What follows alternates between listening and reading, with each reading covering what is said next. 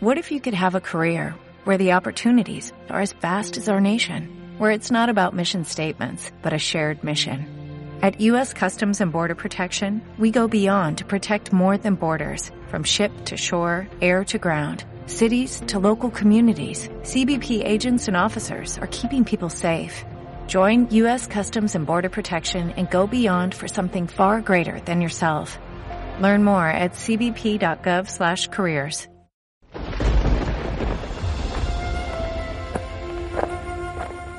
El Rai vos convida ara a creuar el llindar a Terra Llegendària. Així trobaràs les històries i llegendes més insòlites de les nostres terres.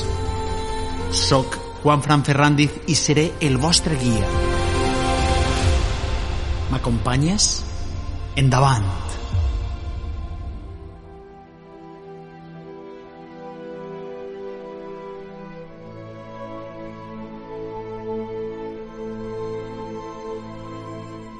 Conta una llegenda molt estesa a la Mediterrània que en temps pretèrits hi havia dos dimonis, un a la terra i altre al mar. Resulta que van entrar en gran conflicte. La causa es va perdre en les boires del temps, però això ara poc importa. La història conta que el dimoni de la terra va començar a perseguir el seu rival, que fugia i fugia, fins que es va ficar mar endins. Era una trampa. El dimoni de la terra, cegat per l'odi o per la seva naturalesa maligna, sols desitjava empaitar el dimoni del mar i va oblidar que no sabia nadar. Quan ja no feia peu, va començar a ofegar-se desesperat. Però resulta que va passar un vaixell i seguint un antiquíssim codi d'honor, els mariners van salvar el pobre diable quan estava a punt de ser engolit definitivament per l'aigua del Mediterrani. El dimoni, agraït, es va donar el major regal que se li pot fer a la gent marinera d'abans, aquella que navegava amb veles, el secret del vent. Així, es va instruir sobre el lloc on es trobava una illa misteriosa anomenada l'Illa dels Vents i que no figurava en cap cartolari ni mapa. I, a més a més, els ensenyà a xiular unes tonades màgiques que feia acudir els vents com si d'éssers sumisos es tractara. Segurament, el viatge fins a arribar a la mítica illa estaria ple d'aventures fantàstiques i perills inimaginables, però aquell patró de vaixell i el seu estol de mariners ho van aconseguir i ja sobre l'illa dels vents van provar aquelles tonades xiulant.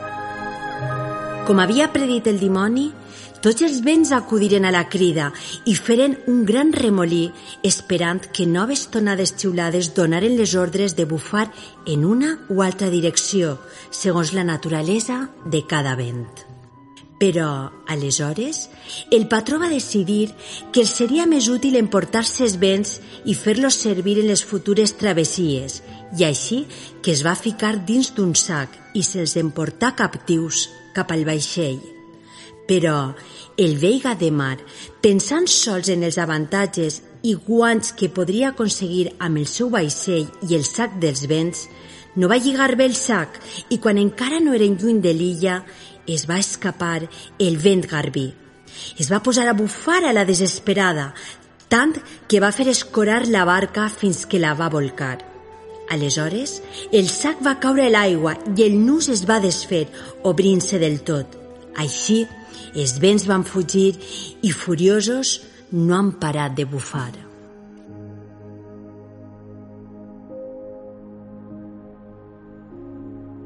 I encara avui dia bufen fort, sobretot en aquestes dates, entre novembre i desembre. Ja ho deia un antic refrany, l'advent és el temps del vent. I d'això vos parlarem avui en Terra Llegendària, del costumari creences al voltant del vent.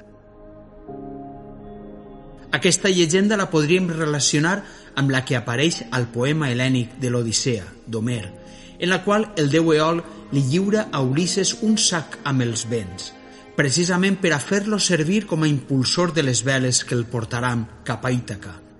Les dues llegendes contenen una creença molt arrelada als pobles mediterranis i també cantàbrics, que els vents eren sers vius, fantàstics, o en altre cas, que eren provocats per l'acció de certes criatures fantàstiques i, com veurem al final, per aquella gent tenia una explicació. Si la llegenda explicada va ser el Garbí qui va alliberar la resta dels seus béns germans, la tramuntana també té la seva pròpia història. Conten que aquest vent del nord, normalment fort i molt gelat, neix d'un forat que hi ha a les muntanyes més altes i gelades i que està custodiat per una parella de vells. El vell és molt fredolí i amant de la calma en canvi, a la vella li agrada escoltar com bufa i xiula la tramuntana i com alça les fulles pels camps i ho gela tot. Quan fa bon temps, el vell corre per la muntanya, tapa el forat i tracta que ella no s'acoste per allí per a que tot estiga en calma. Però quan arriben aquests últims mesos de l'any i el fred s'escampa, el vell es recull i no es mou de la vora del foc. Aleshores, la vella disfruta destapant el forat i alliberant el vent de tramuntana que recorre les nostres terres i es deixa tremolant de fred. Però segurament el que més espant causava als nostres avantpassats era la idea estesa que el propi vent que bufava estava habitat per estranyes criatures, fins i tot els esperits dels morts que vagaven en pena fins a ser redimits pels vius. En aquestes setmanes de desembre, de dies ombrívols i nits llargues, sovint els dies són ventosos i poc amables. Anem pel carrer i de sobte un vent gelat ens envolta. Ens colpeja amb força, mentre escoltem el xixiueig estrany que fan les fulles al revolar per tot arreu.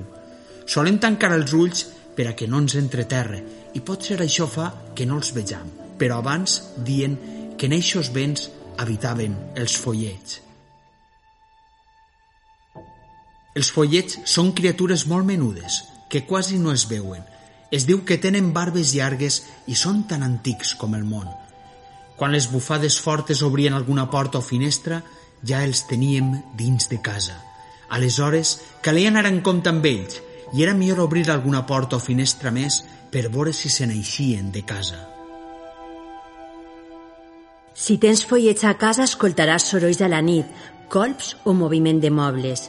Ells ho regiren tot i poden fer-te passar una nit terrible, però l'endemà ho trobaràs tot al lloc, més o menys.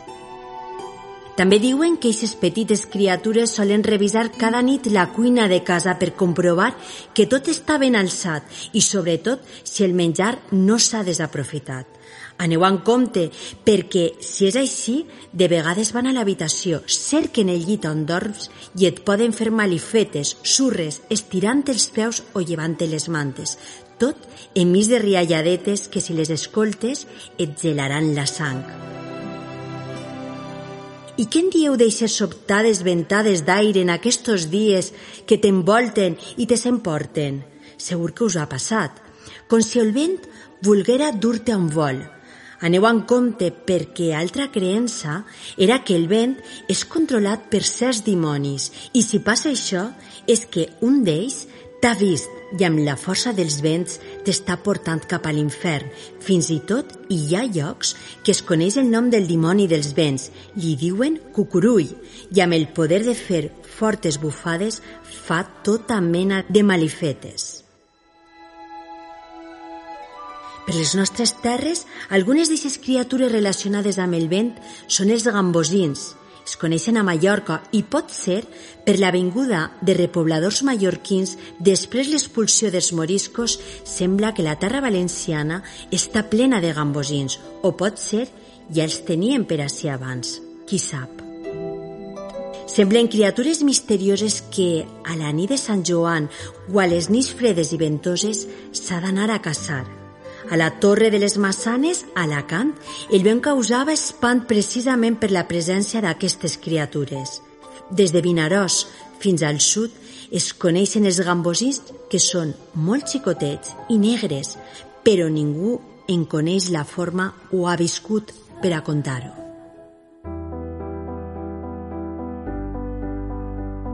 De veritat que mentre revisàvem el material d'aquest tema per a Terra Llegendària ens ha cridat l'atenció la quantitat de creences, costums i supersticions al voltant del vent. i tal volta pague la pena reflexionar el motiu.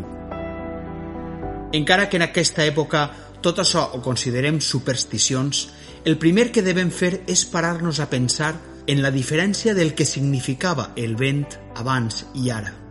Ara, el vent sol ser un element més de la natura que poc ens afecta. Ni reparem en ell excepte quan és molest o fa destrosses. El fem servir d'energia eòlica i poca cosa més. Abans, en canvi, el vent formava part de les eines per a sobreviure. Del vent depenia la vida. El vent ajudava a recollir el gra de blat a les eres. El vent molia la farina. El vent impulsava els vaixells que portaven mercaderies, menjar, pesca. El vent era una clau en la vida. Però igual que el sol, que un dia surt i altres manté darrere dels núvols, o la pluja, que arriba quan vol, els vents també eren capritxosos – bufaven ara uns, ara altres, o s'esvaien durant llargues temporades. Podien ser suaus, altres vegades violents, càlids o gelats, secs, i jo vos pregunte, a cas no sembla tot això part del temperament d'una criatura? I si l'home estava cridat a dominar totes les criatures del cel i de la terra, no devia fer-ho també amb el vent, tan útil per a la vida? Els nostres avantpassats veien el món d'altra manera i tenia tant de sentit com el que veiem nosaltres ara. Al vent calia entendre'l, respectar-lo i, si podia ser, aprofitar la seva força igual que la dels altres elements. I pensar en ell com en una criatura viva ajudava a aconseguir-ho. Garbí, Tramuntana, Lleveig, Llevant, possiblement tots van tenir en el passat històries que ajudaven a entendre la seva naturalesa i així a protegir-se o a aprofitar-se'n. Conten que a la Barceloneta fa poc més de 100 anys, és a dir, no fa molt, encara es venien unes cordes amb 6 o 7 nus, anomenades cordes d'aixecar els vents. Eren fetes per fetillers o bruixes enteses en aquestes coses i es venien molt cares als mariners, realment a preu d'or. Els mariners les adquirien i les portaven als vaixells com un valuós tresor. Quan necessitaven vent, afluixaven un dels nucs i en poc temps la brisa omplia les veles i començaven a moure's. Si els convenia un vent fort, desfeien del tot el nus. Fins i tot, girant la corda, es podia canviar de la direcció del vent. Quan tots els nus havien quedat desfets, es considerava que ja s'havia gastat tot el vent que duien i calia adquirir-ne altre. Amb aquesta creença deixem aquest tema amb el que no sols volem recordar coses antigues, que no tornaran, però que és important valorar perquè, més que ignorància dels nostres majors, el que demostren és saviesa i enginy, qualitats humanes que es van exercitar durant mil·lennis d'aquestes mil maneres, fins que van servir per desenvolupar la ciència i altra manera de viure i entendre el món. I així, meravellats i esglaiats cada vegada que una d'eixes misterioses bufades gèlides tracta d'arrossegar-nos, seguim recorrent i descobrint aquesta terra llegendària.